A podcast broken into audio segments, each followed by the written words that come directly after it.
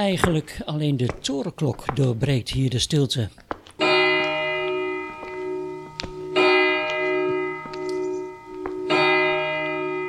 Deze plek aan de Brinkstraat straalt rust uit. Ik loop wat rond en zie de mooie grote dorpskerk met de eeuwenoude toren. Ik zie voor mij een karakteristiek pand met mooie erker. In de vorige eeuw was hier het postkantoor van Adam Lindehoofjes. Dan een doorkijk naar de bomenrijke brink met muziektent. Ik kijk op de witte gevel van het herbouwde markante hoekpand met woning. In dit verhaal was hier het gemeentehuis gevestigd van de voormalige gemeente Den Ham. Ernaast woonde toen burgemeester Beukenkamp. Het is nu niet voor te stellen dat hier in het doorgaans zo rustige Brinkdorp Den Ham ooit wekelijks een markt was met een levendige handel in alleen maar kakelverse, witte en bruine eieren. Die eiermarkt begon donderdag 8 januari 1931 eerst op en rondom de Brink. Het was gelijk een groot succes. Veel hammenaren kwamen erop af. Boeren brachten voorzichtig de eieren in kleine en grote rieten manden. Boeren van buiten het dorp kwamen op de fiets, met voorop de drager een grote rieten mand met daarin tussen het stro goed verpakt de vele verse eieren. Of de eieren hier voor de toen gangbare prijs van enkele centen per stuk werden verkocht, is mij niet bekend, wel dat er heel veel tevreden klanten waren. Met lege manden en goed gevulde zakken met muntjes keerden de boeren dus terug naar hun erven. Streekdichter Johanna van Buren uit Hellendoorn maakte meteen een gedicht over deze eerste hammer-eiermark. Het begint zo. In het oude hammerdorpin, waar nog wijversteulen zint, voor wie weet misschien nog eens een oude vrouwen zit en spint in dit oude hammerdarpin, heeft er ene utedag een eiermarkt te holen, alle weken, op donderdag. Op den brink met hoge beumen komt een koppel volk bijeen. Kun je de wit geklapte maanties en de hammerboeren zien. Hammerdarpin kwen ze oe het beste, koppen dat o mark geet goot. Wat begun ie 31 voort weer met frisse moot. Hammer, honder, Barneveldes, leg nu eier, dikke en broen. Hammerwitte, oeleveerse, denk eraan, halt uw verzoen. Houd uw hammerdarp in ere, leg nu al wat hebt leert, dag op dag, naar mooien dikken, dat het hammermark floreert. Het bestuur van de eiermarkt was bijzonder tevreden over deze eerste marktdag. Eigenlijk zou er ook een wekelijkse warenmarkt gehouden moeten worden. En die kwam er. Hij talle heurt? Nee, wat dan? Er is nu markt om Brink en Ham. Enkele weken later knipte burgemeester Beukenkamp met boot op het lintje door voor de eerste wekelijkse markt op donderdag. Bij zijn toespraak had de burgemeester een talrijk en aandachtig gehoor. Niet alleen van de marktbezoekers, maar natuurlijk ook van de mensen die alleen maar uit nieuwsgierigheid kwamen. Het zag er letterlijk zwart van de mensen. Ziet u ze lopen? De vrouwen in zwarte rokken met zwarte jakken, knoopdoekjes om de hals of met zwarte omslagdoeken over de schouders. Op het hoofd vaak een zwart mutsje, met erover een witte knipmuts. Over de rok een blauw katoenen schot met geruit bovenstukje. Lange zwarte kousen en witte klompen. En de gevlochten mandjes met deksels voor de gekochte waren. Onder de bovenrok een katoenen zak aan een band om het middel. Hierin een zakdoek en een beursje. De mannen in een zwart vest en een zwarte jas over een boezeroen of een blauwe kiel, een donkere manchesterbroek, zwarte sokken en witte klompen. En altijd een platte wollen pet op het hoofd, meestal ook zwart. De tijd op de torenklok gemist? Dan was er altijd nog het gouden of zilveren zakhorloge en een ketting in het vestzakje. Langs de Brinkstraat en op de Brink voor de kerk en het gemeentehuis waren rijen kramen. De doorgaande weg bleef vrij. Op de Brink stonden veel kleedwagens waarmee de waar werden gebracht. veel handel dus. Het was er zo druk dat je over de hoofden kon lopen. Boeren, burgers en vast ook buitenlui verdrongen zich rond de kramen. In die kramen werden lappen stof, groenten en zelfs gereedschap verkocht. Ook werd door handjeklap koeien, varkens, schapen en kleinvee verhandeld. De markt werd zo'n groot succes dat de gemeente Den Ham meteen nadacht over een overkapte eiermarkt. Hier, op deze plek, werd een eierhal gebouwd.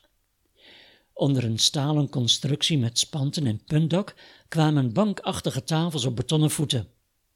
Op losliggende planken konden de manden met eieren voor de verkoop worden aangeboden. Op donderdag 20 augustus 1931 werd onder grote belangstelling de eierhal officieel geopend in aanwezigheid van de burgemeester. De Nederlandse driekleur wapperde er vrolijk op los aan de gevel. Heel Den Ham en de buurtschappen Magelen, Meer, Noordmeer en Linde liepen uit. Behalve de eigen inwoners werden de eieren vaak opgekocht door koopman Bruins uit Hardenberg en eierhandelaar Elfrink uit Almelo. En deze handelaren pakten de eieren over in de bekende houten eierkisten. Op de eierhal viel altijd wel wat te beleven, zeker voor de hammerhangjongeren. Kinderen speelden er ook veel, behalve dan op donderdagmorgen, want dan was er dus een komen en gaan van hammerboeren. De eieren leverden voor de Tweede Wereldoorlog nog maar een halve cent per stuk op. In de oorlog was er geen handel meer in eieren. En na de oorlog is de markt ook niet weer opgestart. En de eierhal? Die werd verbouwd tot een houten gebouwtje als kantoor der werkverschaffing van de afdeling Sociale Zaken van de gemeente Den Ham. In de crisisjaren 1929-1940 kwamen drommen werklozen lopend of op de fiets vanuit Den Ham en Fromshoop om hier een stempel te halen. De regering had besloten de werklozen een financiële ondersteuning te geven. Ze kregen een bedrag dat net voldoende was om de huur en een eenvoudige maaltijd te betalen. Om te voorkomen dat de werklozen naast steun een zwart baantje erbij zouden nemen, moesten ze één of twee keer per dag een stempel halen in het stempellokaal. In 1960 was er een schetsje om het kantoor van de Eierhand te verbouwen tot bibliotheek. Hoewel de gemeente Den Ham in principe met het plan instemde, ging de verbouw toch niet door. Toen kwam de Centrale Plattelandsbibliotheek met het idee om hier een nieuwe bibliotheek te bouwen. De gemeente ging in gesprek met de eigenaar van dit plekje, de kerkvoogdij van de Nederlandse van de Kerk. De onderhandelingen pakten uiteindelijk negatief uit en de bibliotheek werd op een andere plek in het dorp gebouwd. In 1962 trok padvindersgroep De Groene Jager in het kantoor van de Eierhal. Vijf jaar later werd de huurovereenkomst alweer beëindigd vanwege de opheffing van de padvindersgroep.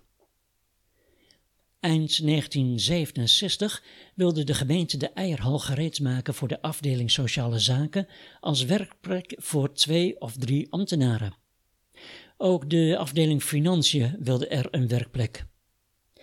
Net voor de kerst in 1970 concludeerde de gemeente Den Ham dat de voormalige eierhal langzamerhand in een bouwvallige staat is geraakt. Om te komen tot verfraaiing van deze omgeving vond men het gewenst om de boel toch maar af te breken. En dat gebeurde. Niets herinnert hier nu nog aan die tijd van de eierhal. Wel bleef de naam nog in de volksbond, hoewel die is helaas ook bij veel Hammenaren zelfs verdwenen. In 1986 blikte de hammerdichter Henk Pol met weemoed terug op de markt op dit mooie plekje en hij dichtte Wat is er vallen veranderd bij zeg maar 50 jaar alleen? Mangs denk ik wel eens aan die dingen, die in ons dorp niet meer kunt zien. De vrouwlui met eknipjesmussen en witgeschoorde kleumpjes aan, ging op donderdag naar Namme en brachten de eieren aan de man. Naast het postkantoor, nu drukkerieën, er was die de eierhal. De markt om was drie, vier krampjes en een paar beesten, dat was al. Maar het was dan druk en het was plezierig. U zagen zo elkaar nog eens. U heun dan ook wie de niegies. Geen enkel nies ging meer mis. De weven zeggen bij de lappies, naar een mooi lappies schulkenbond of naar een Nemo schroefdalen, maar ging dan hoos door de grond. Want aan vaken er een stemme zo, ja nou, wij ook op de markt. Kom je mee nog koffie drinken? Hoe is het in toes? Hoe gaat het met werk? Je moet mee bij ons kijken. Wie hebt nu gewoon ijzer sterk. Wie hebt ook weer goedkope lappies en beter nog dan op de markt. En meestal leuten dan de weven de koopman met zijn lappies staan en even later, wat sliepstattend, naar een dorpswinkel te gaan. Dat zal ons nu niet meer passeren. Wie gaat nu onze eigen gang en onze middenstanders zijn nu voor de concurrentie niet zo bange. Daarom is het gloepend jammer dat in Den Ham geen markt meer is. Zo'n mooie brink, maar nooit geen markt meer. Wie dunkt, dit is toch een gemis? De leur gaat nu naar andere plaatsen. De zakenlui vindt dat niet fijn. Gemeenteraad, geef ons een markt weer, zo alstublieft, al is het maar klein. Dit gedicht komt uit de gedichtenbundel Als de Blaar valt, verzameld werk van Henk Pol. Het gedicht Hammer Eiermark staat in de bundel Verzamelde gedichten van Johanna F. van Buren. Voor de volgende aflevering blijf ik op deze plek en vertel ik over het prachtige bronzen beeld Liggend Naakt, gemaakt door de grand dame van de Nederlandse beeldhouwkunst uit de vorige eeuw, Charlotte van Palland.